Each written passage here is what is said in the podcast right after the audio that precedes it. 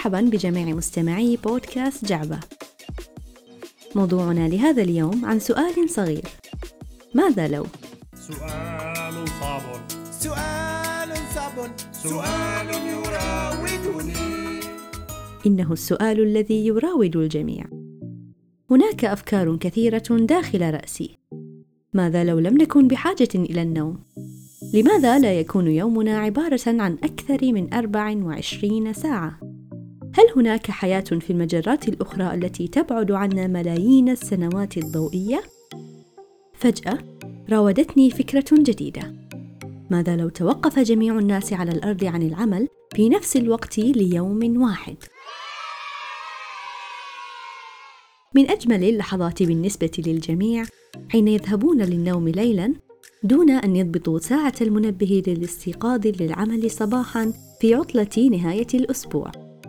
لكن مهلاً، هل بإمكاننا أن نأخذ جميعاً يوم عطلة في نفس الوقت؟ في البدء يبدو الأمر رائعاً، لكن من المؤكد أنه لن يقود إلى نتائج جيدة. فلنتخيل الأمر معاً. حسناً، سوف تستيقظ في الصباح بعد نوم عميق. لم يرن جرس المنبه لأنك لست مضطرا للذهاب لأي مكان. مزاجك جيد ومعنوياتك مرتفعة. تقرر أخذ حمام دافئ سريع لتبدأ يومك بنشاط. لكنك ما إن تدير مقبض الماء حتى تتدفق مياه عكرة منه. فجأة يتوقف تدفق الماء ثم يعود للتدفق بقوة أكبر فينكسر الصنبور.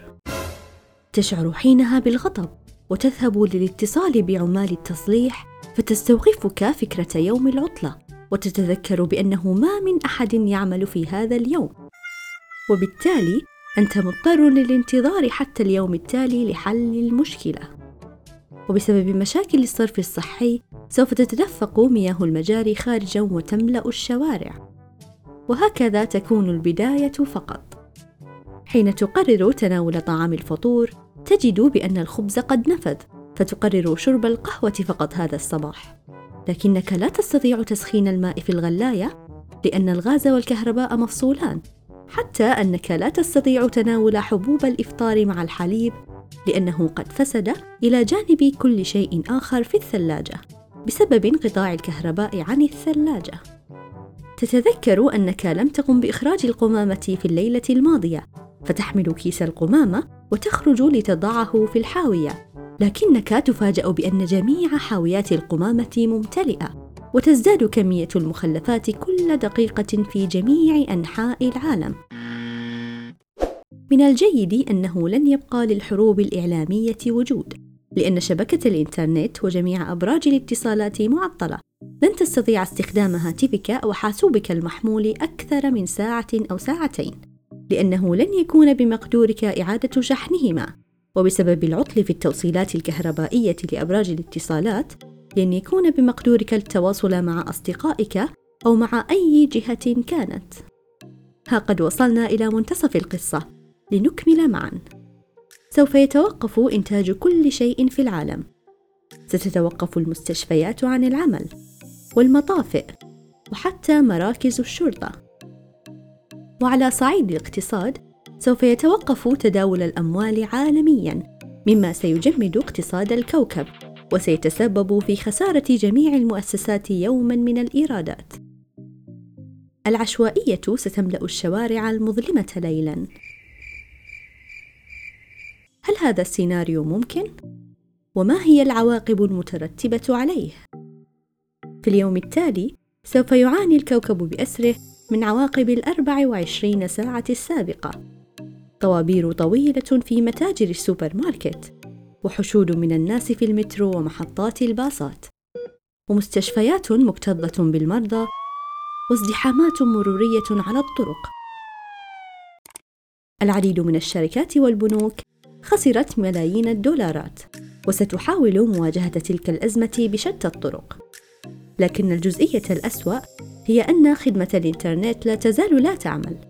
لأن مشغلي الشبكة يحاولون استعادتها ولن يكون بإمكانهم إعادتها لما كانت عليه في وقت قصير وطوال الأسبوع التالي سوف يعمل الجميع لمدة سبعة أيام كاملة للتعويض عن يوم عطلة للجميع. يحدث ذلك لنا جميعا بعد إجازة مريحة، فيكون استئنافنا للعمل مرهق للغاية، لكنه في هذه الحالة سوف يحدث على نطاق عالمي. هذه هي نتيجة توقف الجميع عن العمل في الوقت نفسه ليوم واحد فقط. هل تتخيلون حجم الدمار الذي سوف يخلفه ذلك؟ من حسن الحظ أن ذلك أمر شبه مستحيل، فلا يمكن توقف الجميع عن العمل في الوقت نفسه.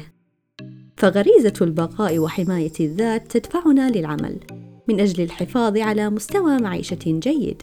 حتى أسلافنا عملوا في الرعي والزراعة والصيد وغيرها انطلاقا من فطرتهم لتسيير أمور معيشتهم. كل ذلك يدعونا للتوقف والتأمل.